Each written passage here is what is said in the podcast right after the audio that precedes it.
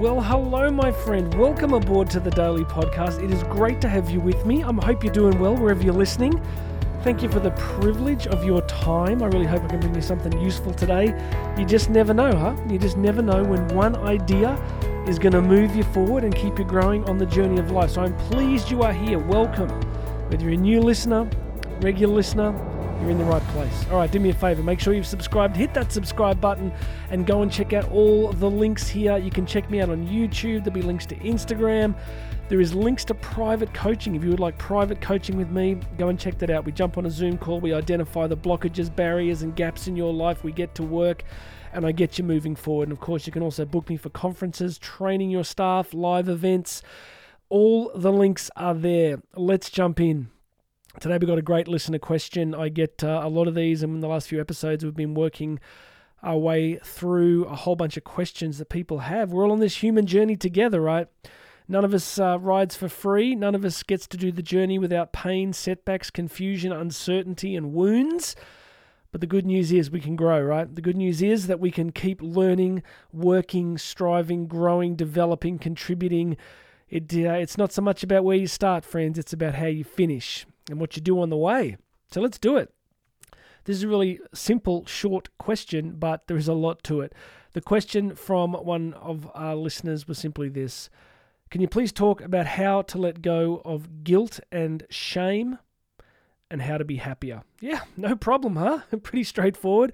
Everybody, I hope you've, uh, why don't you go and make yourself a drink, sit in. This could take a while. Well, you know, I, I, could talk about this for hours, but the good news is that there's, you know, people have been thinking about these issues for thousands of years and there is some really good stuff on it. So let's jump into guilt and shame first. Let me give you a good delineation. Let me give you a good set of definitions that can be really helpful. I'm not sure if you know this, but there is a crucial difference between guilt and shame. They are cousins, they are related, but they are not siblings. I'll put it this way guilt simply means I have done something bad, shame means I am bad. They're profoundly connected, but they're powerfully different all of us experience guilt. I would doubt that there could be a single one of us listening today that hasn't done something in our lives that has harmed or caused suffering to others. So, what do we do? Well, once we have owned it, once we have understood what we've done and the effect that it has caused, the step is obviously to seek some kind of connection, restitution, and forgiveness you look at the Alcohol, Alcoholics Anonymous program, you know, one of the crucial 12 steps is that they seek out, they make an honest list of everybody they may have ever harmed, and they seek to make some form of restitution.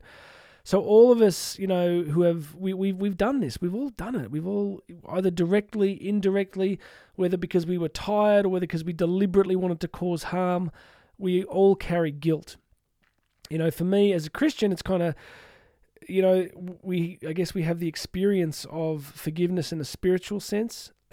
But whatever your spiritual tradition may be, or lack of spiritual tradition may be, this forgiveness piece is kind of crucial. It's a, a central part of the human journey. So, step one on this guilt question is if at all possible, seek to make connection and restitution for all of us, that's going to be different. For some of us, it might be a phone call. Depending on the issue, can you know sometimes it's a text, right? It's like, "Hey, I'm really sorry. I shouldn't have done X."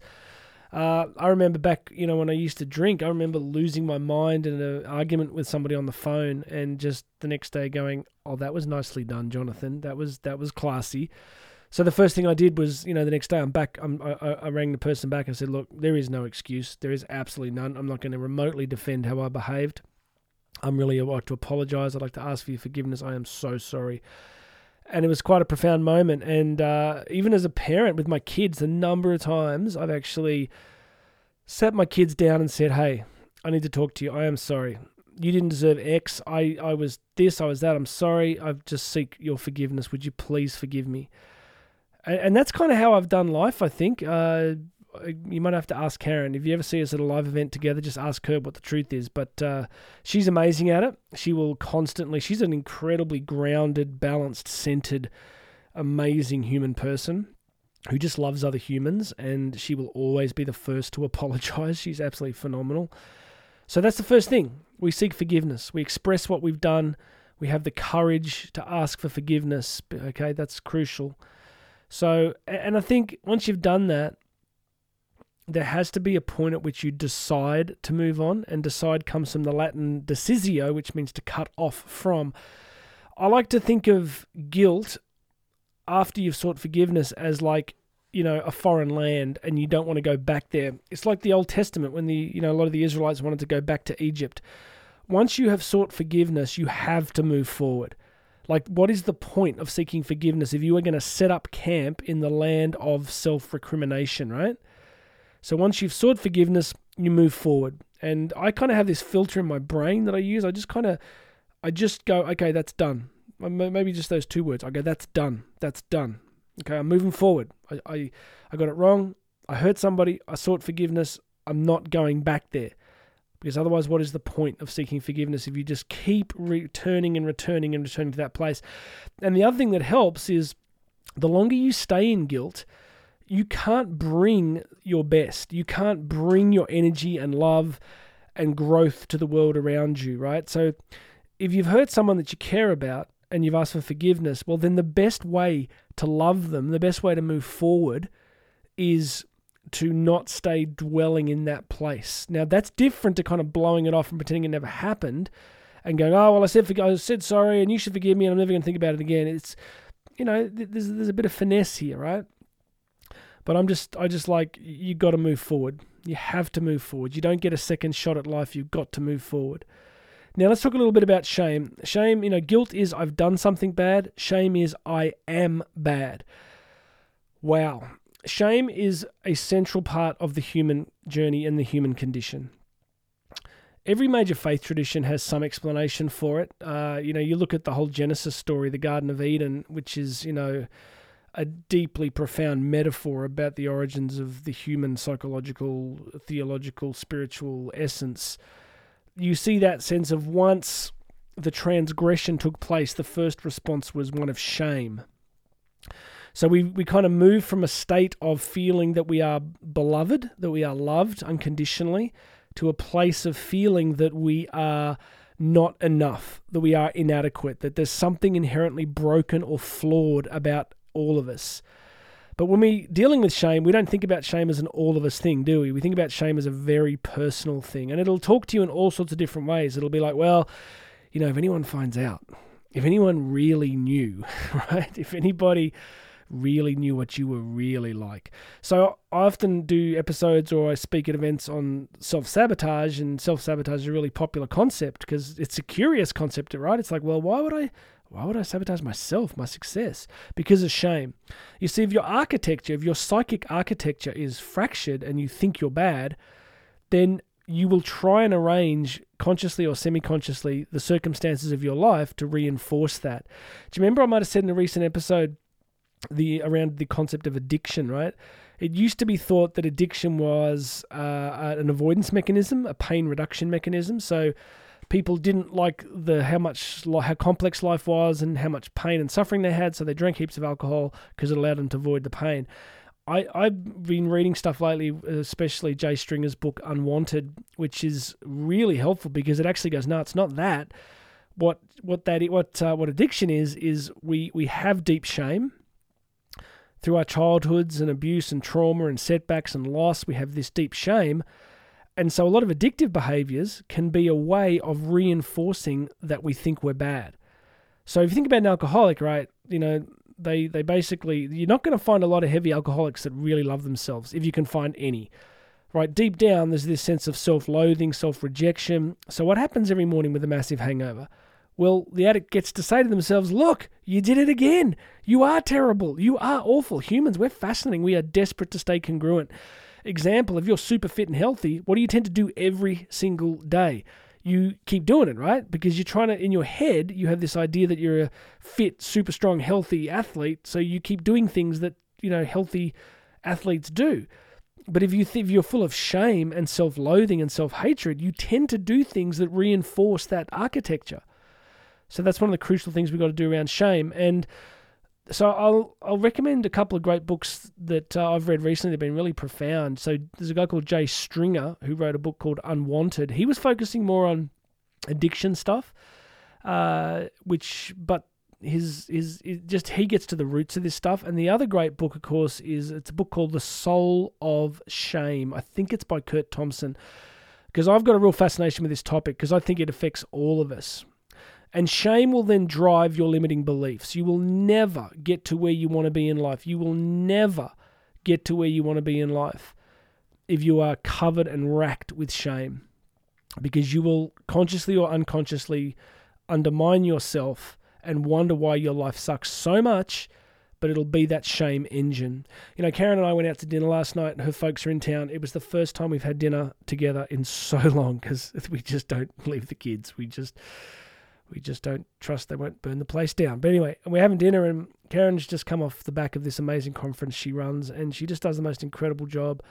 And there were hundreds of women there, and you know, she just blessed so many people, and she just shared kind of the feeling that she had when she could see you know, the impact coming through her and how God was using her. And she was she expressed it in such an amazing way to listen to. She was like there's just a sense of her own goodness. Uh, she she had a deep sense of her love for people and that she was being used as a vessel to bless people. And it was extraordinary. Like just to listen to it, I was like, so true. Like people love her. She's the most, you know, gracious, loving, kind, generous person. And so, what I'm telling you that is because she doesn't really have a shame engine. She doesn't really have that sense of, you know, she had great parents and had, had a pretty good childhood. So, but many of us don't, right? So, what do you do? Well, I think it's fundamentally it's a spiritual task, whatever you take that to mean. You you rarely think your way out of shame, because you know, uh, think about it. Like shame's pretty straightforward. It's like you know, Shame is like you saying to yourself, "You're awful. You're a bad person. You don't deserve anything good because you've done such terrible things that if anybody really knew what you were like, they'd probably lock you up." Right? So, cognitively, you probably know that's not quite true. Like you'd probably say, "No, I've done some good things, and I'm not really that bad, and I actually want to be nice." Like, but it doesn't change, does it? Right? Because it's deeply ingrained. It's it's it's at the neurobiological level, and that's why I direct you to Curt Thompson's book uh, on the Soul of Shame. I really encourage everybody to read that. I'm about a third of the way through, and it's a, it's a really deep dive into how shame works. So, shame will show up in limiting beliefs. I've mentioned that. Usually, the core limiting belief around shame is simply, I'm not worthy. So, I'm not worthy. I don't deserve X, whatever X is. I don't deserve this joy. I don't deserve this happiness. You know, I don't deserve to whatever. Fill in the blank. So I've been working on that heaps lately. So I've been working on looking at that and then just empowering beliefs, just doing different beliefs, you know, different beliefs around, no, you know what? I am worthy of this. And the reason you're worthy, I say to people, is because if you think of the entire cosmos, you're the most important thing in it. I mean, as best we know, and we could have, you know, let's not get in a rabbit hole about aliens, but you're more important than stars or galaxies. Like, you're the one thing that God really wanted to exist and you got made in God's image. Like you are the pinnacle of creation. You matter. You're meant to be here. You know, there's something in you that nobody else can ever bring. So the truth is that you deserve to be loved because you're human, because you're here, because you were meant to be here, and because of who your creator is, right? So the shame work is the work of replacing the limiting beliefs. And again, what's helped me is to get to a point in my life where I'm like, you know what? I don't have forever left, and I don't think I really want to spend much more time in shame. Look, I'm not perfect. I got a lot of stuff wrong, but I know that the fundamental movement of my heart is I want to help people, I want to serve people, I want to grow.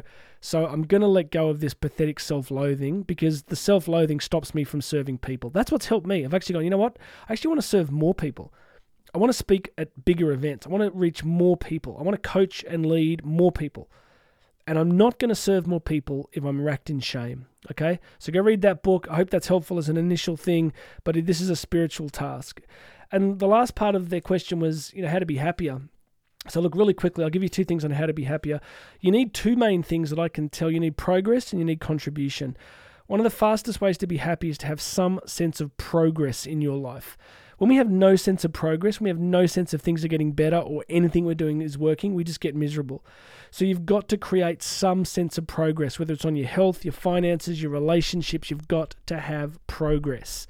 Karen and I are working so hard at the moment. Like we've never worked this hard, and we are hardworking people, right? We are entrepreneurial, business based people, but we're both really lifting our game to a whole new level. And so much cool stuff's happening. We're working with great people. Where you know I'm getting back around the world again, and so much cool stuff's happening because we got progress, right? not perfect progress, but definitely progress. So you've got to get progress in your life. Identify an area of your life that is significant. Identify an area of your life that matters and do something to get progress in it. That is really helpful. The second thing is around contribution. A lot of our happiness comes from being way too self referential, like navel gazing, like looking at ourselves because we're very trapped in our own problems and issues. So the fastest way to really be depressed is to the first thing you need to do is have a bad physiology, like have low state, poor breathing, bad posture, eat badly, don't exercise, so you get a bad physiological state. And then you become self-referential. Everything becomes about your unhappiness, your uh, your problems, why your life sucks. One of the best ways out of that is contribution is to immediately begin to re-gear your life. Where do I contribute? Where do I contribute? Where do I contribute? Who needs me? How can I serve? How can I help? you know, I've been taking the kids camping heaps and just doing stuff for them, like giving them great adventures, just get you out of yourself, you know? And doing this podcast and running this business and doing the speaking, like I keep trying, and I'm an introvert, but I keep trying to go, where do I contribute? How can I help? And when you get there, you spend less and less time in poor states, poor states of unhappiness. All right, summary there is a difference between guilt and shame. Guilt is I've done something wrong, shame is I am wrong. The way out of guilt is forgiveness and honesty and acceptance of what you've done and moving forward. The way out of shame is a fundamentally spiritual task, finding your place in the cosmos, knowing that you still have time to love and serve people and you can't do it from a place of endless shame.